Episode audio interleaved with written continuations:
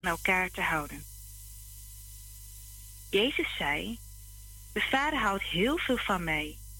En ik houd net zoveel van jullie als de Vader van mij.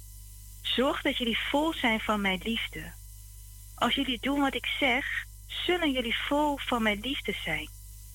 Net zoals ik doe wat de Vader mij heeft gezegd. Daardoor ben ik vol van zijn liefde. Ik zeg dit tegen jullie, zodat mijn blijdschap in jullie kan zijn en jullie blijdschap volmaakt zal zijn. Ik geef jullie de opdracht om net zoveel van elkaar te houden als dat ik van jullie houd. Iemand die zijn leven over heeft voor zijn vrienden, heeft de grootste liefde. Grotere liefde bestaat niet. Jullie zijn mijn vrienden als jullie doen wat ik jullie zeg. Ik noem jullie geen dienaren meer, want een dienaar weet niet wat de plannen van zijn heer zijn. Maar ik noem jullie vrienden. Want alles wat de Heer aan mij heeft verteld, heb ik ook aan jullie verteld. Het is niet zo dat jullie mij hebben uitgekozen. Ik heb jullie uitgekozen en aangewezen. Ik wil dat jullie op pad gaan en dat de vrucht aan jullie zal groeien. Vrucht die blijft. Dan zal de Vader jullie alles geven wat jullie hem bieden, omdat jullie bij mij horen. Ik zeg, houd van elkaar.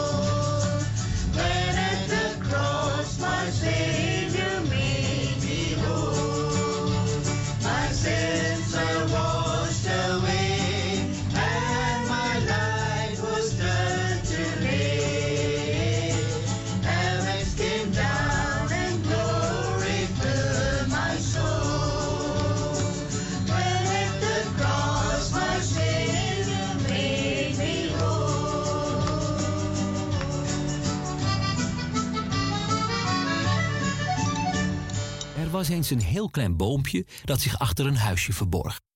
Maar de tuinman, die het daar geplant had, behandelde het boompje met veel zorg. Als het warm was, gaf hij het boompje water. En als het stormde, gaf hij het boompje steun. En het boompje dacht blij: ik kan niet vallen, zolang ik tegen dat paaltje aanleun. Zo groeide het boompje voorspoedig. En na een jaar was het al een beetje groot. Tegen een musje zei het boompje heel moedig: Bij mij kun je schuilen in tijden van nood. En toen op een dag kwam de tuinman met in zijn handen een grote schaar. Daarmee knipte hij een stuk van de takken en het boompje voelde zich verdrietig en naar. Hij kon het maar niet begrijpen. Hij was juist zo mooi en gezond. En nu was de tuinman gekomen en lagen al zijn takken op de grond. Toen kwam de winter en het sneeuwde. En het boompje stond stil in zijn perk. Maar onder de grond, daar zaten zijn wortels. Die maakten hem krachtig en sterk. Toen de lente kwam, begon het boompje te groeien. En zijn takken waren sterker dan voorheen. Voor het eerst in zijn leven begon het te bloeien. Een trotsere boom was er geen. Toen de bloempjes verdorden en langzaam verdwenen, kwam de tuinman weer kijken hoe het ging. En kijk, er was een klein appeltje verschenen, dat heel tevreden in het appelboompje hing.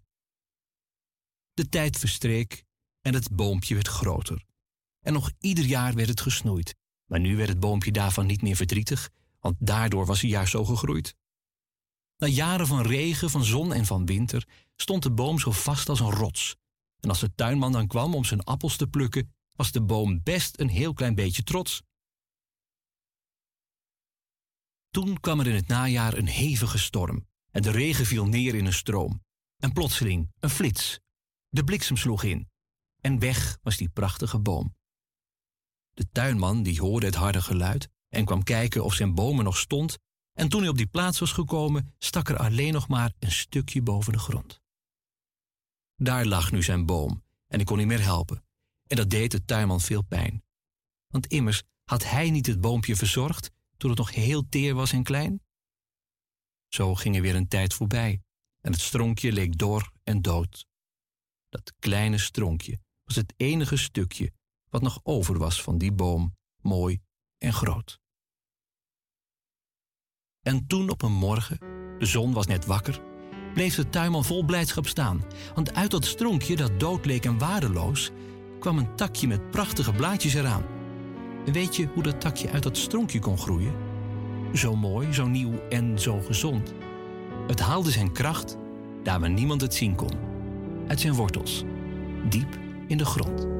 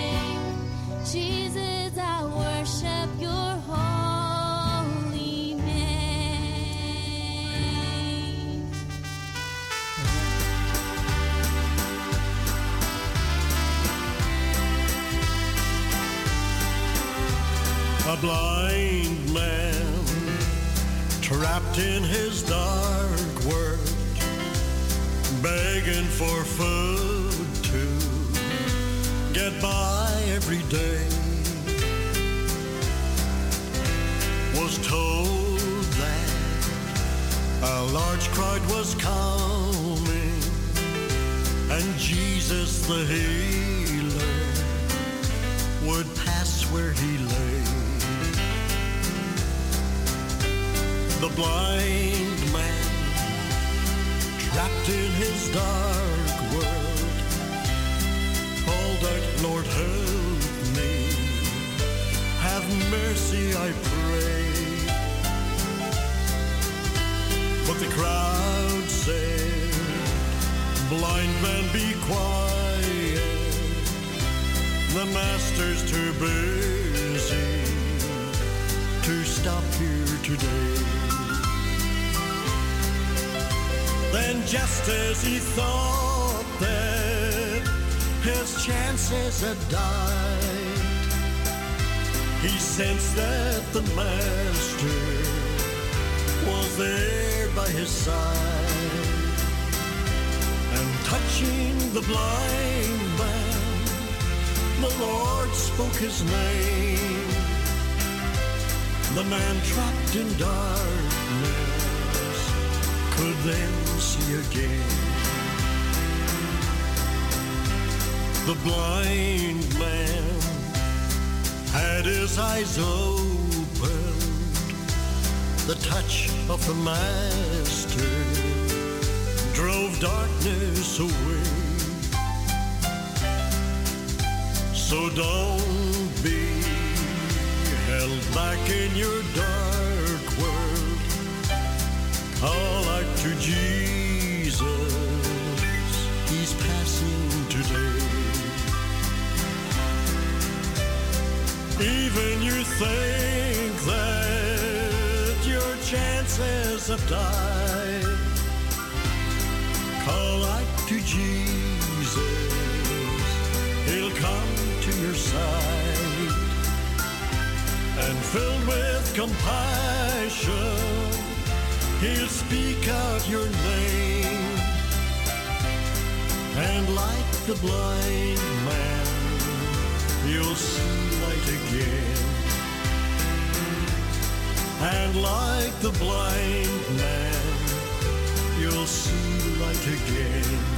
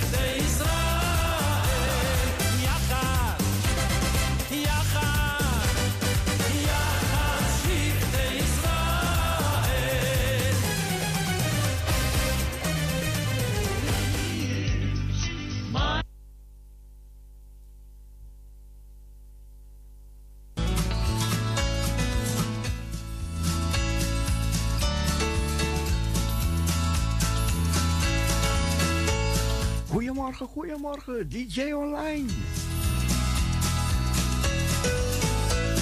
Hartelijk welkom, we zijn er tot de klok van.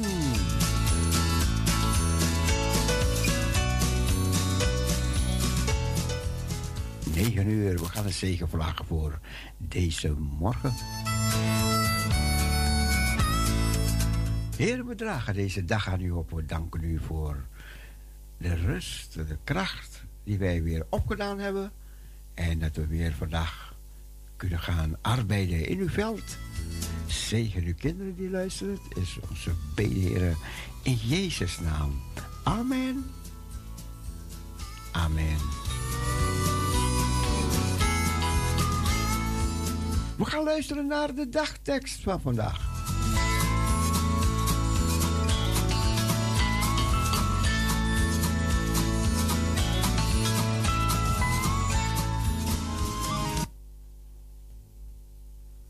De dagtekst, die komt eraan.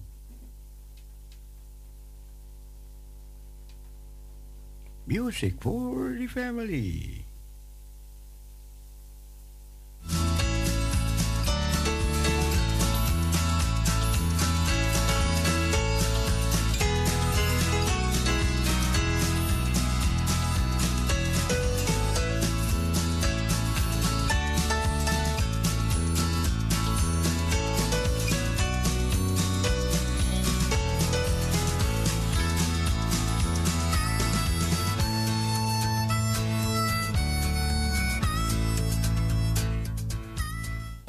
Goedemorgen. Goedemorgen, broeder Cecile. Goedemorgen. Gramorgo.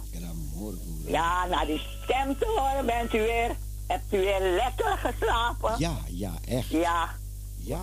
ja. Ik heb ook lekker geslapen. Ik hoop dat de luisteraars ook goed hebben geslapen. Ja. Ja, we, hebben, we zijn opgestaan vanmorgen door de kracht van de Heer. Ja, We hebben onze hemelse voedsel al gehad. zo is dat. En dan gaan we door. We danken God voor de afgelopen nacht en de nieuwe dag die Hij gemaakt heeft. Laten we Hem loven, prijzen, danken en eren voor iedere dag dat Hij ons vasthoudt. Hij laat ons niet in de steek. Nee. Ja, en met Cecilio beginnen we de ochtend. Ja, Ja, ja, met ja. de woorden, zijn mooie melodieën, vrolijke melodieën. Vrolijk, fris en fruit opgestaan. Ja, ja. Ja, broeder Cecile. Vandaag is zaterdag 12 augustus. De dagtekst is gehaald uit 1 Samuel 2 vers 1. Nu juicht mijn hart, dankzij de Heer. Nu juicht mijn hart, dankzij de Heer. 1 Samuel 2 vers 1. En de leertekst is gehaald uit Lucas, Lucas 10 vers 20. Verheug je omdat jullie naam in de hemel opgetekend is. Verheug je omdat jullie naam in de hemel opgetekend is. Lucas 10 vers 20. En een gedicht eronder of een vers. Steeds ontvang ik u uit uw hand. Dat is mijn waarheid en mijn vreugde. Steeds kijkt uw oog op mij aan en leef ik uit uw blik. U mijn schepper en mijn heil, leer mij het geheimenis verstaan, dat ik er ben door u en van u en voor u. Ik herhaal dit. Steeds ontvang ik uw hand. Steeds ontvang ik uit uw hand. Dat is mijn waarheid en mijn vreugde. Steeds kijkt uw oog mij aan en leef ik uit uw blik. U, mijn schepper en mijn heel, leer mij het geheimenis verstaan dat ik er ben door u en van u en voor u. Amen. Dank u wel, dank ja, u wel. Ook bedankt en graag gedaan. Ja, ja, ja. Met vreugde doe ik het. Met blijdschap doe ik het in mijn hart. Als ik wakker word morgen, dat ik de dagteksten voor kan lezen. Ja. En dat ik naar Sicilio kan luisteren. Ja, ja. En iedere, iedereen die een steentje bijdraagt. Ja. Ja, ja Dan groet ik weer iedereen die op luisteren zit, van ver en dichtbij. Dank u. Ja, ik wens u ook een zegende draaitijd. Korte ochtend vanmorgen. Ja. En dat de Heer ons verder leidt deze dag. Heer, ontfermt u over ons. We danken u wel voor alles, alles wat u voor ons doet. Ja. Ja, Ja, broeder hoor. Cecile. Ja. Dag, Cecilio. Fijne dag, fijne dag. Ja hoor, u ook. Dezelfde. Doei. Doei. Doei.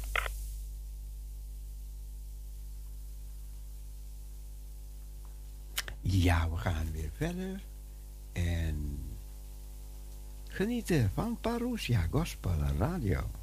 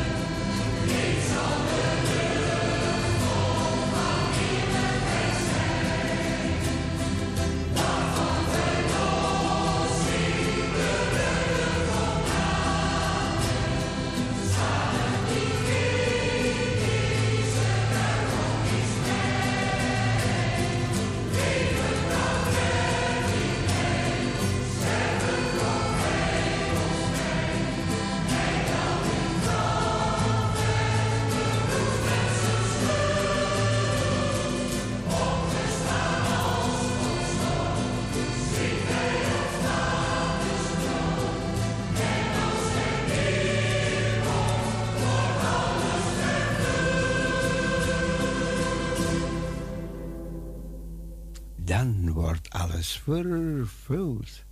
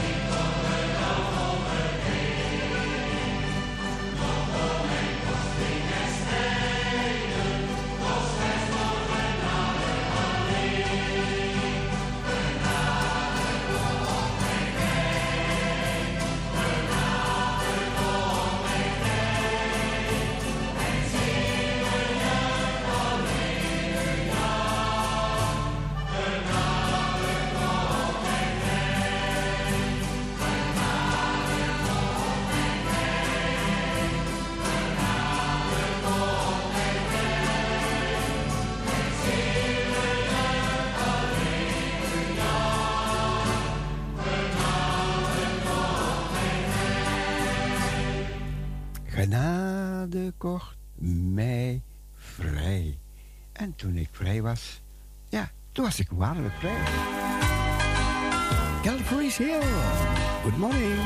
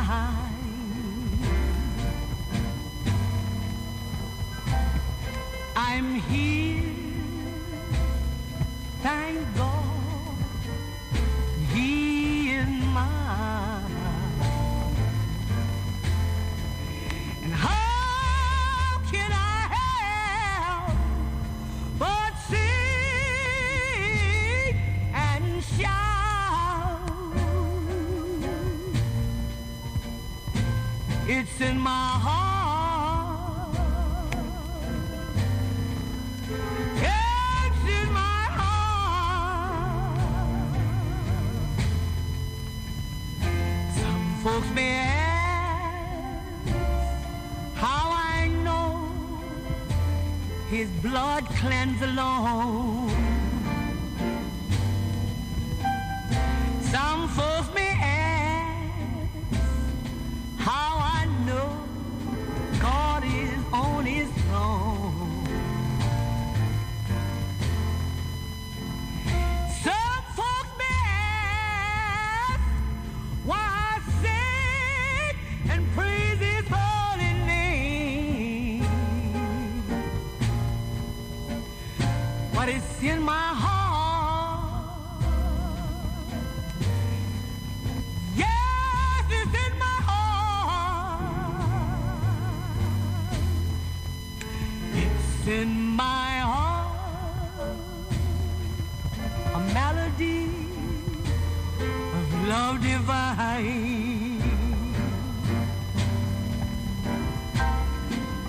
I'm here.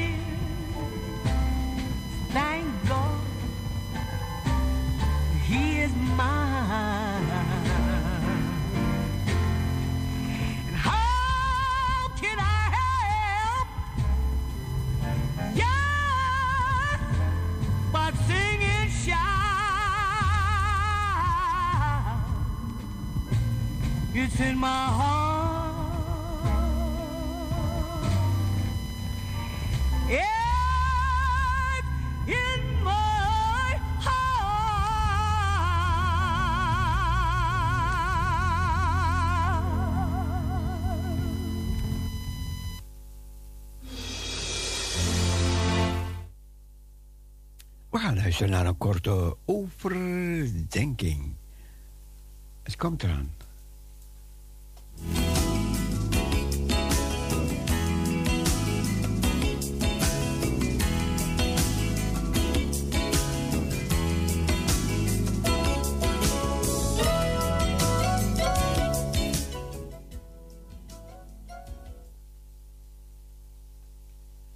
duurt nog even, dus luisteren we nog even nou, nog, nog een mooi liedje. Jesus loves everybody.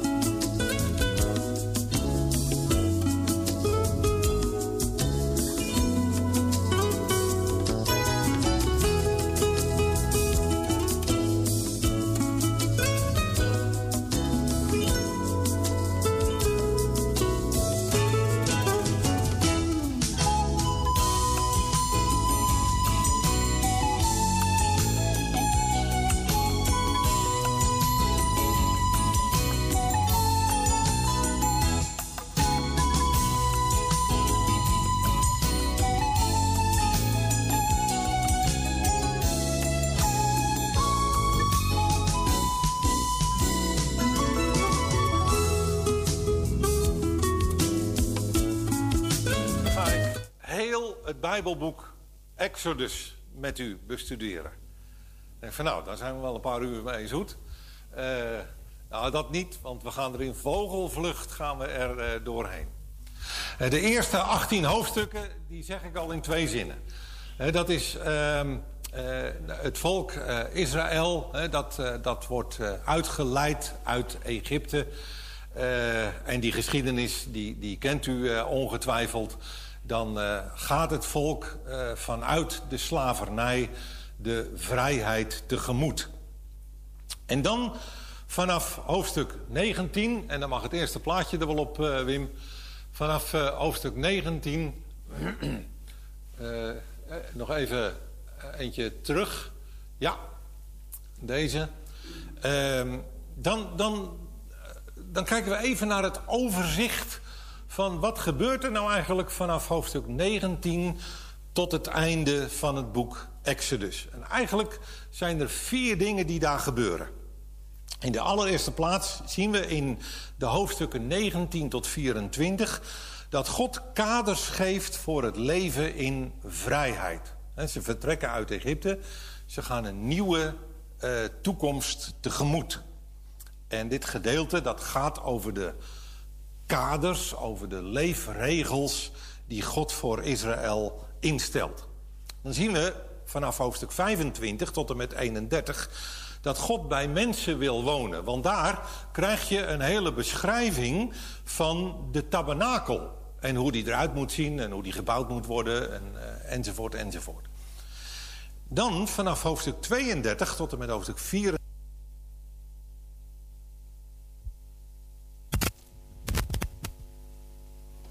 Wat is daar nou? Even kijken hoor.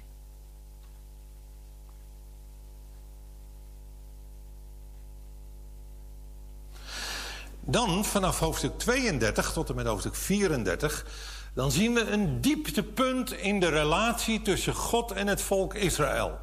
En we kennen allemaal de geschiedenis van het Gouden Kalf. Nou, dat speelt zich daar af in die hoofdstukken. Maar ook weer herstel van die relatie. Dat, dat er toch weer beweging komt en een nieuwe eh, start gemaakt wordt in die relatie. En dan de laatste hoofdstukken, hoofdstuk 35 tot en met 40.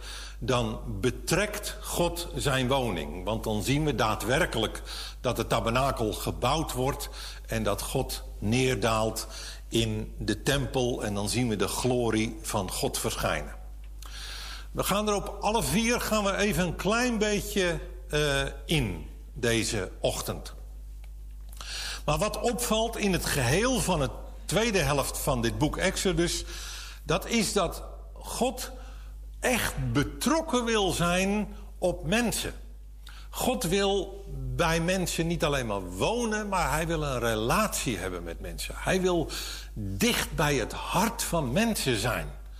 En dat zag je natuurlijk al in het Oude Testament, hè? meteen al aan het begin van de schepping, toen uh, Adam en Eva door de hof wandelden, toen wandelde God daar ook. Want hij wilde die mensen ontmoeten. Hij wilde contact met ze. Hij, wil, hij wilde uh, zijn hart met hen delen en hij wilde dat zij hun hart met hem deelden. Daarom wandelden zij door de hof. En ook in het Nieuwe Testament, hè, daar zien we natuurlijk uh, als gelovigen de uitstorting van de Heilige Geest. En dat is dat God uh, door zijn geest in ons komt wonen. Want hij wil die relatie met ons. Hij wil dat wij alles met hem delen. En hij wil heel veel van zichzelf met ons delen. En daarom dat die geest ook in ons komt. Nou, dat is in het boek Exodus ook precies zo. God wil dichtbij komen.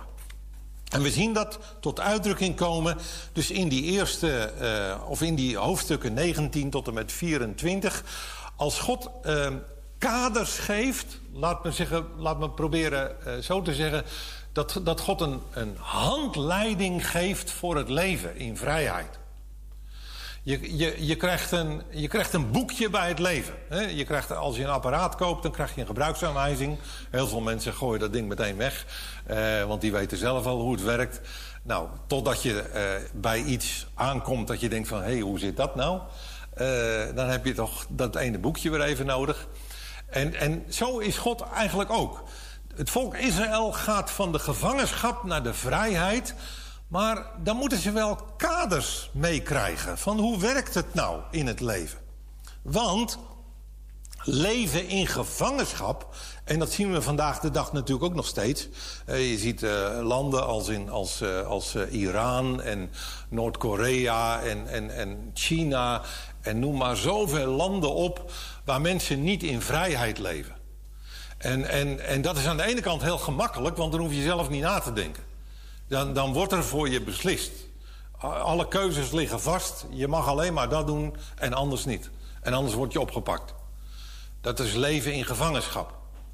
Maar leven in vrijheid, dan mag je opeens zelf keuzes maken. En dan mag je zelf bepalen van... hé, hey, ik ga die kant op of ik ga die kant op... of ik ben het hier niet mee eens of ik ben het daar niet mee eens. Ja, dat hoef je in, in dat soort gesloten landen niet te roepen... dat je het ergens niet mee eens bent. Um, maar tegelijkertijd zien we uh, bijvoorbeeld in Nederland... Uh, dat de vrijheid soms ook enorm doorslaat. Want ik mag alles zeggen wat ik maar wil. En ik mag alles wensen wat ik maar wil. En ik mag alles doen wat ik maar wil. Want ik bepaal zelf. Ja, maar dat is ook niet vrijheid. Want je mag wel de vrijheid hebben om zonder parachute uit een vliegtuig te springen. Maar het is niet gezond voor je. Dus dan heb je die vrijheid, maar dan heb je wel bepaalde kaders nodig om te zeggen: van ja, maar wacht even, ik mag het wel, maar het is beter voor me als ik het niet doe. Nou, en die kaders, die wil God als het ware aanreiken en aangeven. En dat doet hij in al deze hoofdstukken. Dan kijken we bijvoorbeeld als, eh, ehm, hoe, hoe de Heer het leidt en dan met Mozes in gesprek gaat in Exodus 19. Hè, om er zomaar even een vers uit te lichten, of een paar versen, vers 4 tot 6. En dan staat er: Jullie hebben gezien hoe ik ben opgetreden tegen Egypte. En hoe ik je op adelaarsvleugels heb gedragen. En ik heb je hier bij mij gebracht in die vrijheid. En als je mijn woorden ter harte neemt. en je aan het verbond met mij houdt. dan zul je een kostbaar bezit voor mij zijn. Kostbaarder dan alle andere volkeren. Want de hele aarde behoort mij toe. Dan zullen jullie een koninkrijk van priesters zijn en een heilig volk. Dus wat gebeurt hier? God wil zich aan zijn volk verbinden, omdat hij het verlangen heeft dat het goed met hen zal gaan. En om daarvoor te zorgen dat het goed met hen zal gaan, zet God geen hekken om de vrijheid heen, zodat ze weer in gevangenschap komt, maar zet God piketpaaltjes neer. Van kijk, je kunt er doorheen, je kunt anders doen, maar het is niet gezond voor je. Je kunt beter binnen die kaders blijven. Dat is eigenlijk wat God zegt. En dan heb je alle vrijheid, maar je hebt ook eigen verantwoordelijkheid. Eigen verantwoordelijkheid om te zeggen: ik ga tot hier en niet verder. En dat is vrijheid. En die vrijheid wil God geven en schenken, zodat ehm, er een heilig volk ontstaat, wat leeft met God in de vrijheid, maar tegelijkertijd kan God er zelf wonen in hun midden, omdat het een heilig volk is. Omdat ze hun verantwoordelijkheden kennen en niet over de grenzen gaan, zodat het weer een onheilig volk wordt. Dat is wat God aangeeft hier in Exodus. En samenvattend zou je de woorden van Paulus kunnen gebruiken, die zegt in Colossense hoofdstuk 2, vers 6 en 7. Volg de weg van Christus Jezus, nu u Hem als uw Heer aanvaard hebt. Blijf in Hem geworteld en gegrondvast. Houd vast aan het geloof dat u geleerd is en wees vervuld van dankbaarheid. Nou, dat is eigenlijk samengevat al die hoofdstukken van het boek Exodus. Doe dat nou zo, dan ben je gelukkig, ben je gehoorzaam en leef je in vrede. Als God dan die kaders heeft geschetst en die handleiding heeft meegegeven aan het volk Israël in Exodus 19 eh, en verder, dan vervolgt hij in de hoofdstukken 25 tot 31 ehm, eh, dat God graag bij ze wil wonen. Hè. Dan geeft hij dus die beschrijving van die tabernakel. En dan lezen we dit. Exodus 25, vers 1 tot 9. Zijn we nog steeds bij? Ja. En de Heer die zei tegen Mozes: Vraag de Israëlieten mij geschenken te geven. Neem van ieder die daartoe bereid is een bijdrage in ontvangst. En je moet het volgende van hen vragen: goud en zilver en koper, blauw-purperen, rood-purperen en karmozijnrode wol, fijn linnen, eh, fijn linnen garen en geitenhaar, rood geverfde ramsvellen, vellen van zeekoeien, acaciahout, lampolie, geurige specerijen voor de zalfolie en voor de reukoffers, onyxstenen voor eh, de priesterschort en edelstenen voor de borsttas. En de Israëlieten, die moeten een heiligdom voor mij maken, zodat, en daar komt het weer, hè, ik te midden van hen kan wonen. Dat is wat ik wil. Dat is wat God wil. Ik wil te midden van ze wonen. En ik zal je een ontwerp laten zien van de tabernakel en van alle voorwerpen die bij deze tent horen. Houd je daar nauwkeurig aan. En dan geeft hij in al die hoofdstukken een heel gedetailleerde bouwtekening van de tabernakel. En natuurlijk kun je dan weer inzoomen op die tabernakel en op die beschrijving. En wat vindt er allemaal wel plaats en niet plaats. En hoe ziet het eruit en waarom is dit en waarom is dat. Kun je allemaal doen en kun je allemaal uren over nadenken en over studeren. Maar wij proberen de hoofdlijn even vast te houden. God wil daar wonen.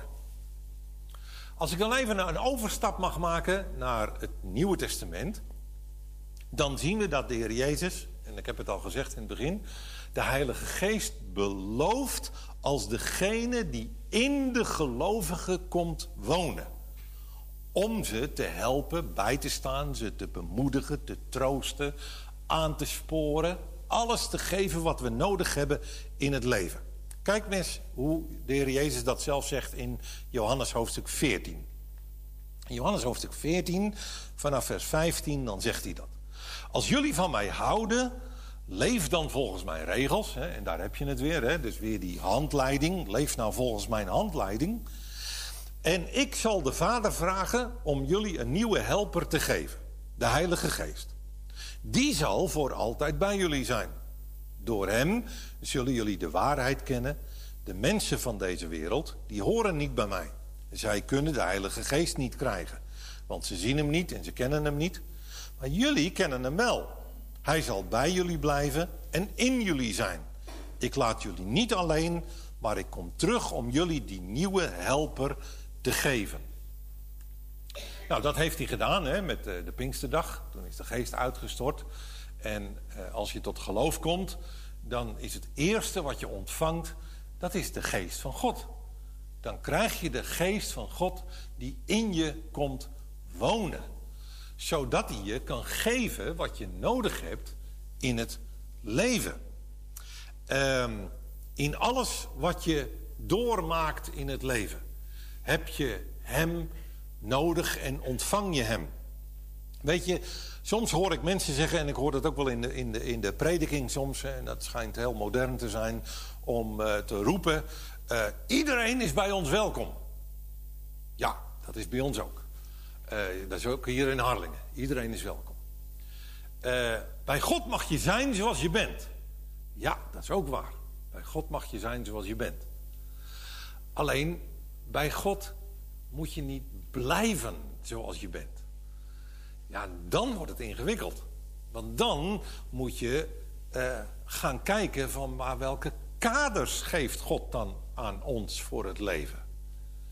En waarin moet ik misschien veranderen en vernieuwen, niet vanuit mijn eigen kracht, maar vanuit de kracht die juist de geest geeft die in mij is komen wonen.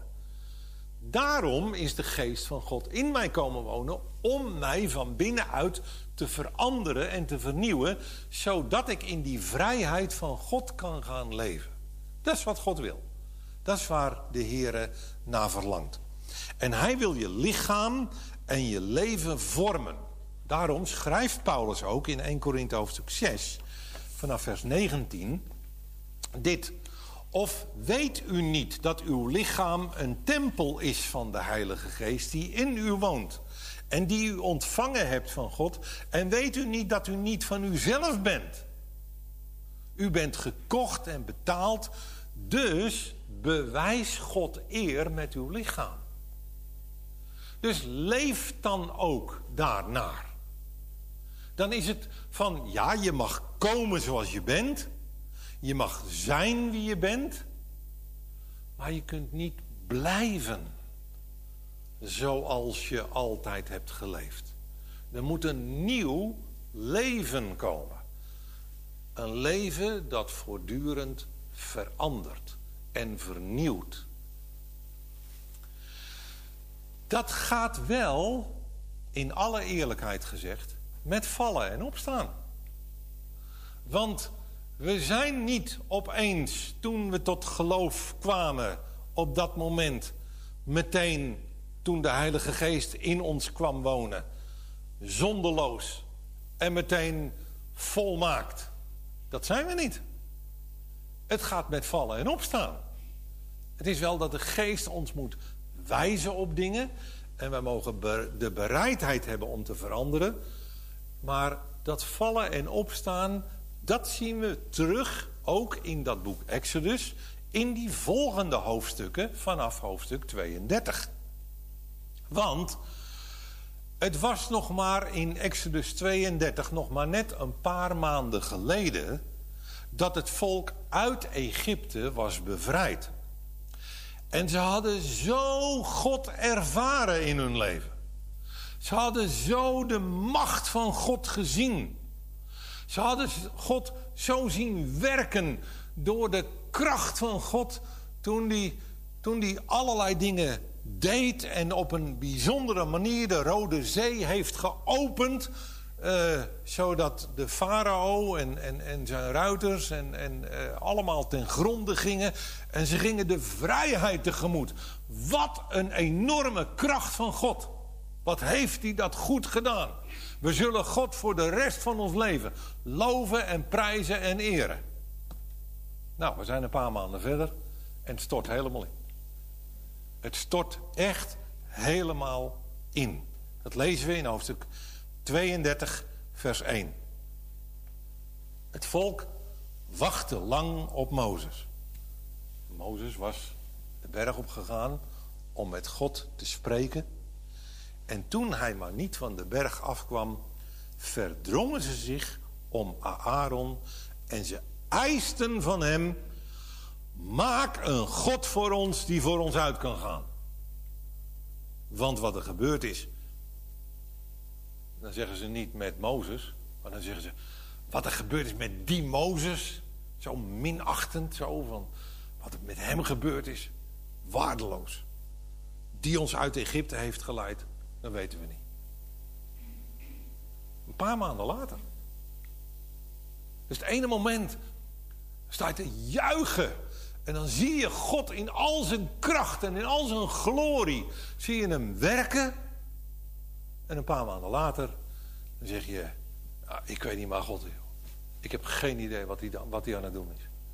Ik zie hem niet meer en ik wacht maar en ik wacht maar. En Mozes, ja, die Mozes, ja, die heeft ons daar wel geleid, maar die zien we ook niet meer. Wat, wat gebeurt er nou? En dat zijn dingen die we in ons leven met de inwoning van de geest van God soms ook heel diep van binnen hebben en ervaren. Dat je zegt van ja, maar daar, toen, ja, toen, ja, toen heb ik God wel ervaren. Maar nu ik zo in mijn pijn en in mijn lijden en in mijn verdriet zit en, en, en ik zie hem niet. En het is donker en duister en hebben we niet iets waar we toch weer hoop uit kunnen putten? En dan gaat het volk op zoek. En dan zoeken ze een andere God. Niet de levende God, maar een andere God. En dan ga je andere dingen zoeken. Ja, maar ik ga daar mijn hoop op vestigen. Of ik ga dat doen, of ik ga dat doen. En zo dwaalt het volk Israël enorm af.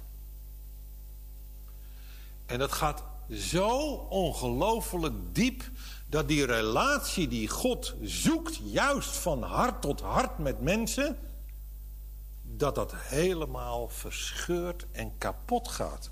Kijk wat er staat in Exodus hoofdstuk 32 vanaf vers 7. De Heer die zegt tegen Mozes, ga terug naar beneden, van die berg dus af, want jouw volk dat je uit Egypte hebt geleid, hè, hij zegt niet eens meer van hè, mijn volk, maar jouw volk, hè, Mozes, eh, dat je uit Egypte hebt geleid, misdraagt zich.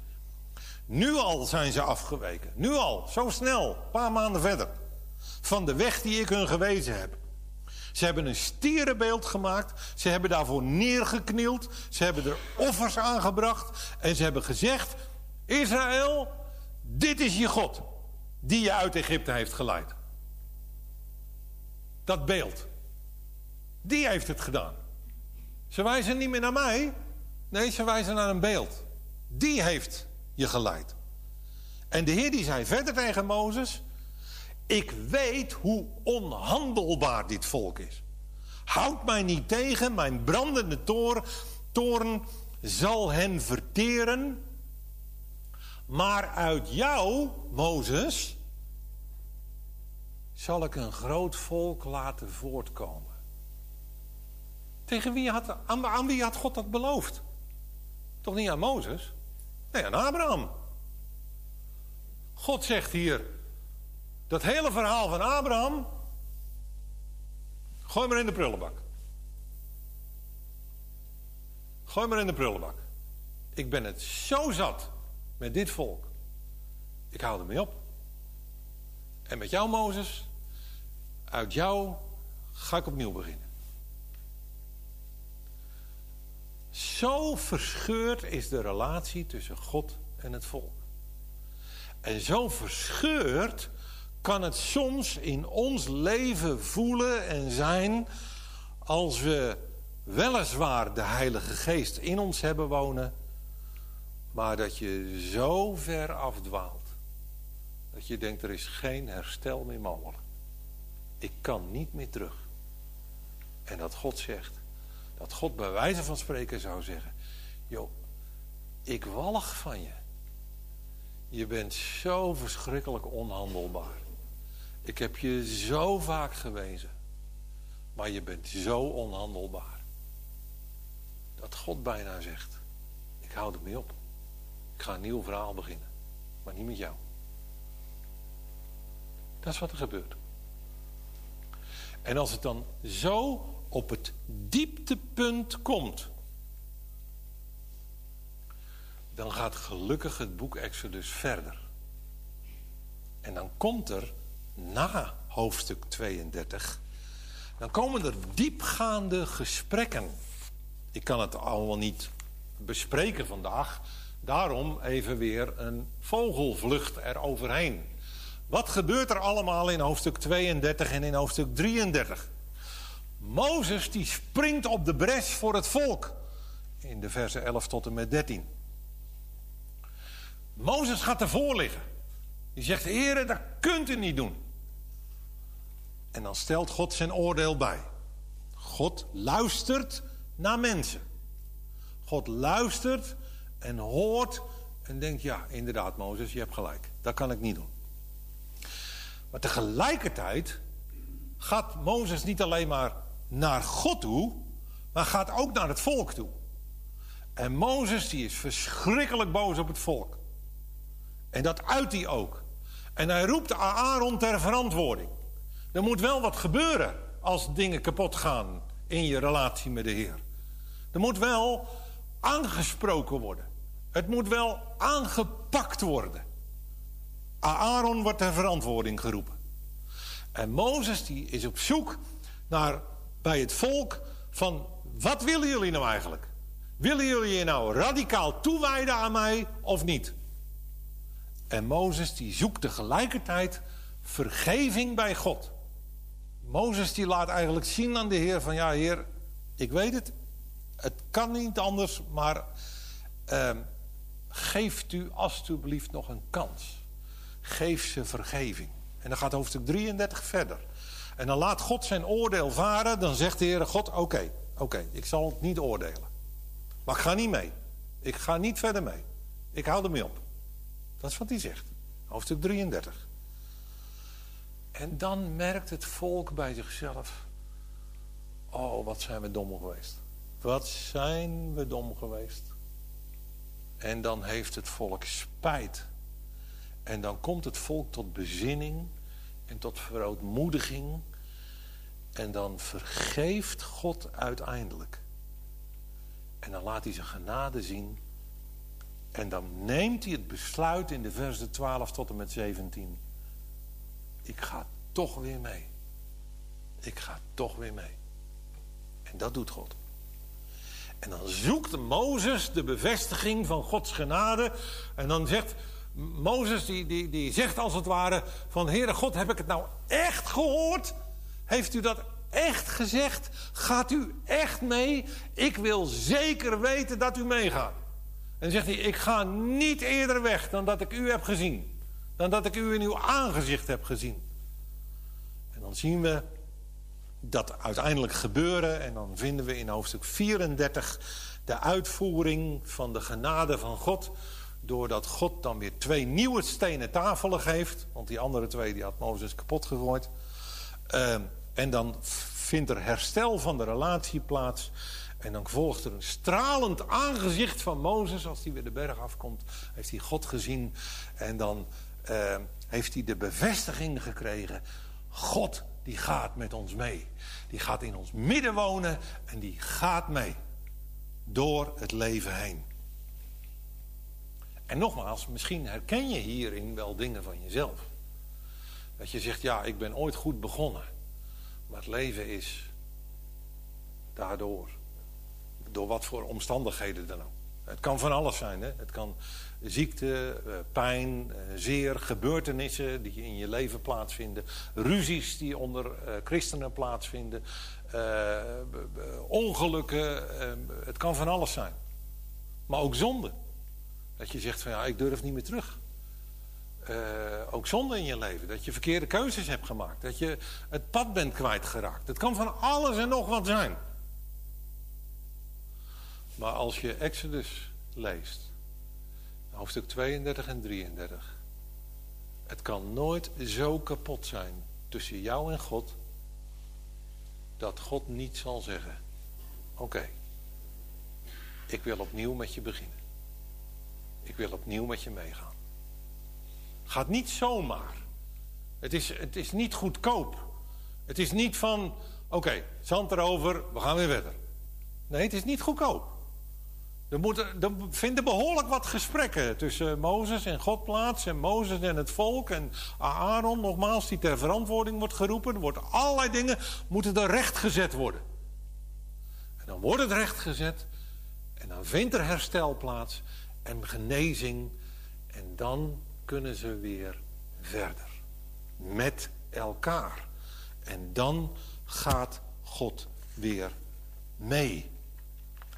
En na dat dieptepunt, dan zien we dat het boek Exodus zo geweldig mooi afsluit. Want zodra dit allemaal achter de rug is, dan zien we in de hoofdstukken 35 tot en met 40 dat de tabernakel gebouwd wordt.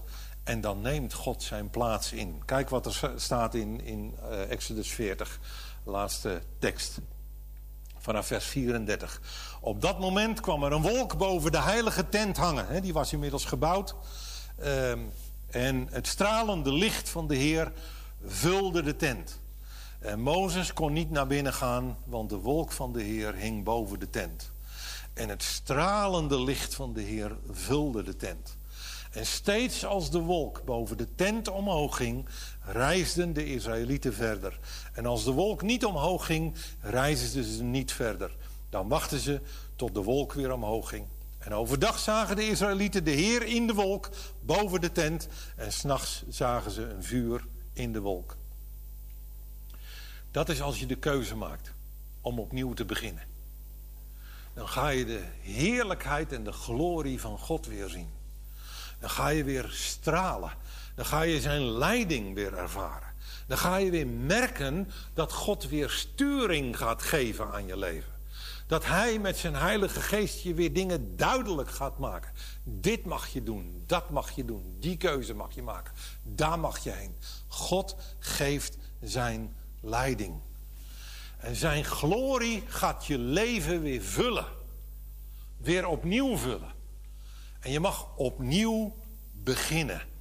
En de glans van zijn aanwezigheid in jouw leven mag je weer gaan uitstralen.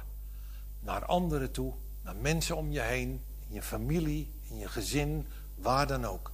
Zo wil God verder gaan. Hoor vandaag opnieuw de roep van de koning. Kijk omhoog naar de zoon. En hij maakt een nieuw begin. Dat is het lied dat we zo meteen met elkaar ook gaan zingen. Zullen we samen danken voor dit moment. Heren, we willen u zo danken voor uw woord. Wat is uw woord toch ongelooflijk rijk. Heer, we moeten eerlijk bekennen dat we ons soms zo verliezen in de details van uw woord. Maar wat is het geweldig als we, als we even als een adelaar er overheen vliegen. En even het grotere plaatje zien van zo'n boek Exodus. En wat is het dan rijk om te zien dat hoe diep we ook vallen als mensen, dat er altijd een weg terug is. Altijd. Heer, dank u wel voor uw genade. Dank u wel, Heer, voor uw trouw. Dank u wel, Heer, dat als we, dat als we werkelijk leven en, en onze identiteit van u ontvangen, dat we dan leren wat echte vrijheid is. Dat vrijheid niet is leven binnen hekken. Dat vrijheid ook niet is om alles maar te kunnen doen en te laten wat je wil. Maar dat vrijheid is leven met God. Binnen de grenzen en de piketpalen die Hij heeft neergezet. Want Hij weet als onze schepper het beste wat goed voor ons en voor mij is. Daarom danken we u, heren, voor alles wat u hebt gegeven, ook deze ochtend. En Heer, we mogen zo direct het avondmaal vieren en gedenken. En daarin mogen we opnieuw, opnieuw onszelf voor uw troon brengen. En mogen we opnieuw tegen u zeggen, Heer Jezus, u hebt het voor mij gedaan. Ik mag het weer bij u inleveren. En dan mag ik zeggen, Heere, dank voor uw bloed, voor uw leven. Dank voor de vergeving en de vrijheid. Dank, Heere, dat we zo het avondmaal mogen vieren. Kom tot uw doel met ieder van ons. In Jezus' naam. Amen.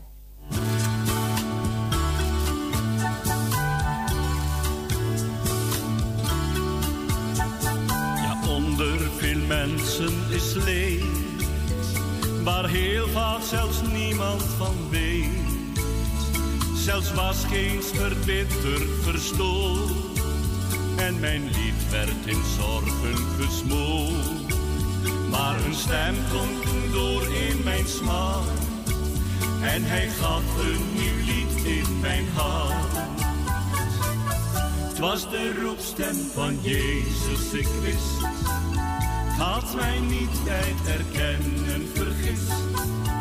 Bij het kruis liet ik zorgen en smart, want hij gaf een nieuw lied in mijn hart. Gekneld soms in banden der dood, gebukt onder zorgen en nood. Gaan mensen Goedemorgen. Morgen, Jim Denk. Hey, hallo. het levende woord. En ook ik ging een tijd zonder hem. Maar toen werd ik gewekt door een stem. Was de roepstem van Jezus, ik wist. Gaat mij niet het erkennen vergist. Bij het kruis liet ik zorgen en smart, want hij gaf een nieuw lied in mijn hart. Die herder, hij valt niet in slaap. Hij zoekt het verdwalende schaap. Als hij roept, ga dan af op zijn stem. Want de liefde is het kenmerk van hem. Ja, die roepstem klonk was door mijn smart. En hij gaf een nieuw lied in mijn hart. Het was de roepstem van Jezus, ik wist. Had mij niet bij erkennen vergist bij het kruis liep ik zorgen en smart, want hij gaf een nieuw lied in mijn hart. Bij het kruis liet ik zorgen en smart, want hij gaf een nieuw lied in mijn hart.